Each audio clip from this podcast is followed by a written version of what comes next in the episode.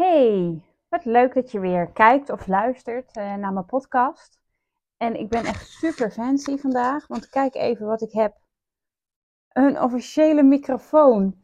Ik voel me net zo'n presentatrice, want dat heb ik altijd al willen zijn. Maar helaas uh, ben ik nooit gevraagd voor een show. Maar uh, nu, nu voelt het toch een beetje alsof ik een talkshow presenteer. De nieuwe Eva. Nee hoor, grapje. Um, waar ik het vandaag met jullie over wil hebben is um, um, waarom vinden mensen dingen vaak zweverig? Ik merk dat tenminste in mijn omgeving heel vaak, dat als ik vertel over wat ik doe, dat ik het mama-wijs-traject aanbied en dan de moeders niet praktisch voorbereid, maar vooral emotioneel voorbereid op de bevalling dan um, zeggen ze heel vaak, of dan luisteren ze nog wel. En dan denken ze, oh ja, ja, interessant, interessant. Oh nee, is niks voor mij. Veel te zweverig hoor. Ja, ik, uh, nou, ik zie het gewoon allemaal wel hoe het komt. En um, dan denk ik altijd, waarom? Waarom vind je dat in één keer zweverig? En wat ik ook wel vaak te horen krijg, is dat mensen denken, oh, ik had dat niet verwacht bij jou. Of, uh, want, want jij bent helemaal niet zo zweverig. Dat klopt, dat ben ik ook helemaal niet. En um, dus daarom denk ik dan ook, Waarom uh, voelt dat voor jullie wel zo en waarom voelt dat voor mij dan niet zo? Misschien omdat ik wel inmiddels twee keer bevallen ben en uh, de moeders die ik spreek zijn dan uh, misschien ehm, zwanger van hun eerste kindje en gaan ze nog een verandering door. En er zijn ook genoeg moeders die niet een verandering doormaken tijdens of door de zwangerschap of door de bevalling. Um, maar toch vroeg ik me af wat, het dan, wat dat dan is. Uh, waarom mensen snel iets zweverig vinden. En ik denk dat dat is omdat, nou, vaak als we over gevoelens praten, dat, uh, dat, dat voelt al vaak een beetje zweverig. Terwijl gevoelens zijn natuurlijk helemaal niet zweverig. Want iedereen heeft gelukkige gevoelens. Want um, de wereld zou een stuk minder leuk zijn als we geen gevoelens hadden, denk ik. Dus um, daarom vraag ik me dat, dat af, uh, waarom, uh, waarom we dat moeilijk vinden over om onze gevoelens te praten. Ik moet zeggen dat ik dat um, meestal niet moeilijk vind. Dan zijn er ook echt wel dingen um, wat ik wel lastig vind om over te praten. Of nou ja, lastig vind om over te praten, maar in ieder geval verdrietig van wordt. En vaak merk je dan als je ergens over praat en je wordt daar verdrietig van, dat je dan al snel denkt, oh nou, dat ga ik niet zeggen hoor, want anders moet ik weer huilen. En, uh, en uh, nou, dat, dat, vind ik niks. Dan, uh, ja, ik weet niet of je dan denkt misschien dat je zwak bent of iets. want hè, ik kijk daar wel eens bij mezelf. Ik moest me toen voorstellen bij de opleiding, zo beval ik. En um, gingen we vertellen hoe je eigenlijk vanaf de geboorte, toen je geboren was, naar tot waar je nu bent. En um, daar kwamen ook um, genoeg dingen voorbij in, uh, in mijn leven waar ik dan emotioneel van werd. En dat was dan um, vooral de scheiding van mijn ouders. En um, ik, heb daar, ik heb daarover gepraat en ik praat er met heel veel mensen over. En dus voor mijn gevoel heb ik dat wel verwerkt, maar toch blijft dat altijd iets waar ik verdrietig van word. Of in ieder geval op het moment dat ik daarover ging vertellen tijdens de opleiding bij de andere dames, uh, schoot ik weer vol en moest ik daar weer om huilen. En ik voelde dat eigenlijk al voor, uh, toen de, de, de, mevrouw voor mij uh, uh, ging vertellen over haar levensverhaal, werd zij ook verdrietig. En toen voelde ik al, oh straks ga ik en dan ga ik daarover vertellen. Oh, dan moet ik weer huilen. Oh nee, dat wil ik niet. Nee, nee, nee. Maar dan denk ik gewoon aan iets leuks. En dan, dan hoef ik ook niet te huilen. Dan, dan komt dat goed.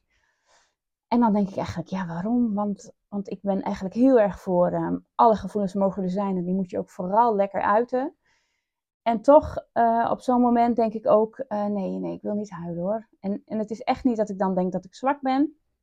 Maar ik denk dat het gewoon bij iedereen een beetje erin zit. En um, ik denk dat, dan, dat dat ook de reden is waarom mensen dan denken dat wat ik doe, het mama-wijs traject, dat dat dan meteen zweverig is. Of niet bij hun past. En um, weet je, als dat voor jou voelt dat dat niet bij jou past, moet je dat ook vooral niet doen. Want um, ik, ik wil ook alleen werken met moeders die dat die dat leuk vinden en die denken dat ze er wat aan hebben.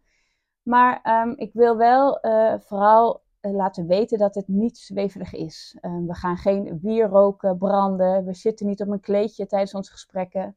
We gaan gewoon op een stoel zitten. En uh, misschien merk je ook wel aan hoe ik hier ben en hoe ik praat en hoe ik misschien op mijn website of op Instagram ben. Dat ik dus niet een, per se een zweverig typeje ben. Maar dat ik wel heel graag over gevoelens praat. En dat ik er ook heel erg voor ben om, om daar vooral die dingen bespreekbaar te maken. En dat je vooral lekker mag huilen of boos zijn of frustraties mag uitspreken. Dat mag allemaal. Ik probeer dat ook altijd bij mijn, bij mijn kinderen te doen.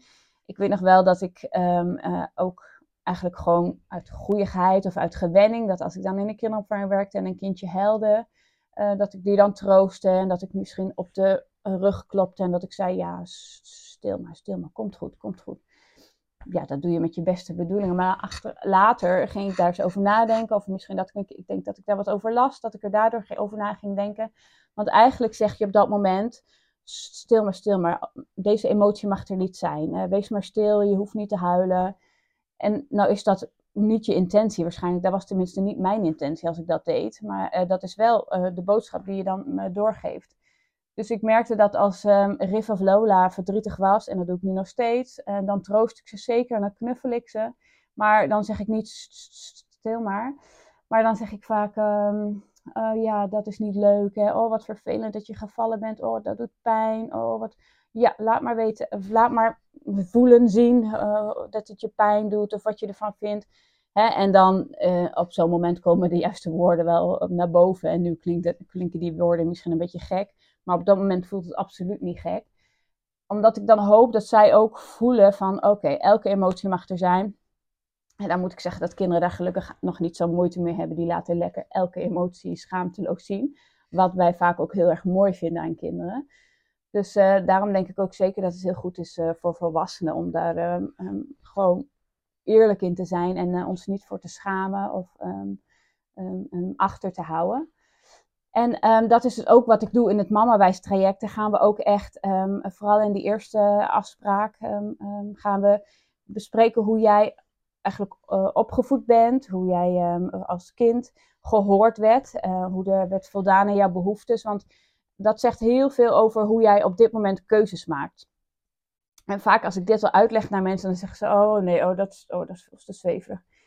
En misschien is dat wel omdat ze het spannend vinden, omdat het onwetend is, of omdat ze het nut er niet van inzien. En weet je, als je het nut er niet van inziet, dan moet je het ook vooral niet gaan doen, want dan zal het ook niet werken. Maar ik denk zeker dat dat, uh, dat uh, en ik heb het ook gezien bij mezelf, dat het heel zinvol is om daar um, um, mee bezig te zijn en daarachter te komen hoe jij dus, um, oh, denk aan mijn microfoon, hoe jij dus keuzes maakt en hoe jij dus gehoord bent in je behoeftes. Want Misschien bijvoorbeeld als baby huilde jij, omdat jij, hè, als baby kun je maar alleen huilen, want dan kun je nog niet zoveel. En had jouw moeder de, de uh, zienswijze van, nou ja, ik moet je niet te veel verwennen, dus ik, ik moet je gewoon eventjes laten huilen. Sommige kinderen hebben dat gewoon nodig, eventjes te huilen. En daar is niks mis mee, of als jij dat denkt, hè, is totaal geen oordeel. Maar daardoor werd er dus niet um, aan, naar jouw behoeftes geluisterd. Want jij huilde als baby, lag je in bed te huilen. Mama, ik heb je nodig. Of ik heb honger. Of ik heb een vieze luier. En er werd niet gereageerd op jouw behoeftes. Dus onbewust heb jij dat opgeslagen. En zou je ongetwijfeld nu nog in jouw leven kunnen merken dat um, misschien ben je verdrietig. Of heb je behoefte ergens over te praten. Of ben je in een groep en denk je van, uh, oh nou, ik denk er eigenlijk heel anders over. Maar denk je van nee, nee, nee, uh, ik, ik zeg dat maar niet, want nou ja, er, eh, er wordt toch niet naar me gehoord. Want dat is ook hoe het in, in jouw cellen, in jouw onbewuste is opgeslagen. Dus dat is ook wat je dan denkt, wat heel normaal is voor jou. En dat is als jij zwanger bent, uh, of als je gaat bevallen en um, jij denkt misschien ergens anders over, maar jij durft dat dan niet te uiten, dan kan dat, uh, hè, en dat wil lang niet zeggen dat het altijd zo is, maar dan kan dat ervoor zorgen dat jij een traumatische bevalling krijgt. Een bevalling krijgt waar jij met een heel naar gevoel op terugkijkt en misschien wel depressieve gevoelens uh, van overhoudt. En dat is wat je absoluut niet wil natuurlijk van een bevalling. Van een bevalling dan moet je echt kracht krijgen en power. En dat je denkt, wauw, kijk eens wat mijn lichaam heeft gedaan. En daarom is het zo belangrijk dat je dus al tijdens je zwangerschap en tijdens de bevalling durft te zeggen wat jij wil. En niet denkt, uh, nou ja, mijn behoeften zijn toch gek. Of wat ik denk is gek en er wordt toch niet naar geluisterd, dus ik zeg het maar niet. Nee, dat moet absoluut niet. Je moet juist zeggen wat jij belangrijk vindt en wat jij graag wil. Want het is jouw lichaam, jouw, jouw lijf, jouw geest. Jij, jij, jij voelt het. Hè? Wij, wij kunnen het wel zien aan jou of denken wat jij misschien voelt. Maar alleen jij weet wat jij echt voelt. Dus daarom is het zo belangrijk om dat te uiten. En dat is ook het te zeggen tegen jouw verloskundige, tegen je partner of tegen wie er dan ook bij jou is bij de bevalling. Ehm, zodat, je dat, zodat zij daar ook rekening mee kunnen houden en dus jou horen. Want dat is wat we heel graag willen. Dat wil ieder mens gezien en gehoord worden. En uh, dus ook als je zwanger bent wil je dat heel graag. En um, daarom sta ik zo achter het mamawijs traject.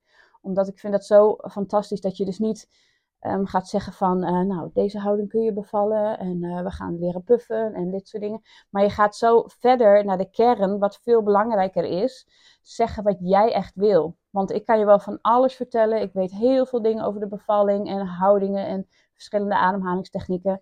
Maar misschien ligt dat wel helemaal niet bij jou. En dan zul je dat ook niet gaan gebruiken. Dus daarom is het zo belangrijk dat het uit jou komt en dat jij zegt wat je wil. Nou, dat, uh, daar had ik eventjes behoefte aan om dat met je te delen, omdat ik merk dat, dat ik dat vaak als reactie krijg, dat het te zweverig is en dat het niet bij mij past. En voel je dat het niet bij je past, moet je het ook vooral niet gaan doen. Maar twijfel je, um, stuur me dan een berichtje. Je kan op mijn site ook een gratis um, coachgesprek of een, een matchcall, hè, om te kijken of het, of het klikt tussen ons, kun je ook zeker aanvragen. Doe dat dan ook. Je kan ook mijn e-book downloaden, want dan kun je misschien ook een beetje kijken hoe ik werk en of dat je aanspreekt, of je erop aangaat. En um, dus doe dat ook vooral. En um, er zijn ook heel veel andere mensen die het op deze manier doen. Uh, dat, dan voel je vrij ook om naar hun toe te gaan als je met hun wel een klik voelt. Want ik ben ervan overtuigd dat het het belangrijkste is dat je je goed voorbereidt op je bevalling. En dan vooral ook emotioneel en niet alleen uh, praktisch. Nou, Dankjewel weer voor het uh, luisteren en uh, voor het kijken. Ik hoop dat het geluid uh, fantastische kwaliteit was. ik heb um, Harry, mijn man, die is um, singer-songwriter, dus die heeft heel veel microfoons en grote microfoons. Dus ik had eindelijk iets aan zijn dure hobby. want ik ging nu podcasten, dus had ik iets aan die microfoons, maar dat, dat, systeem, dat programma dat erachter zit. Nou, ik ben dan eerst drie uur bezig met het al aankrijgen. En dan de stekkers in de juiste eh, stopcontacten doen en de juiste knopjes aan. Zo had ik dus laatst de podcast opgenomen. Zo'n mega microfoon voor me, zoals je misschien wel hebt gezien op het filmpje. Maar die heeft niet opgenomen, want ik had niet het juiste knopje aangedrukt. Dus die heeft gewoon mijn uh, MacBook opgenomen. Dus toen dacht ik, weet je, ik moet het ook niet gaan doen. Dat staat veel te ver bij mij vandaan. Ik wil iets, iets gaan doen wat, wat niet eigen voelt. Ik bestel gewoon zo'n lekker klein, klein microfoontje. Kan ik me lekker voordoen als uh, presentatrice Miranda. En uh, dan komt het veel beter over. Dus, dus ik hoop ook dat dat zo is natuurlijk. En um, ik hoop dat zie ik jullie of horen jullie mij uh, de volgende keer weer. Fijne dag vandaag.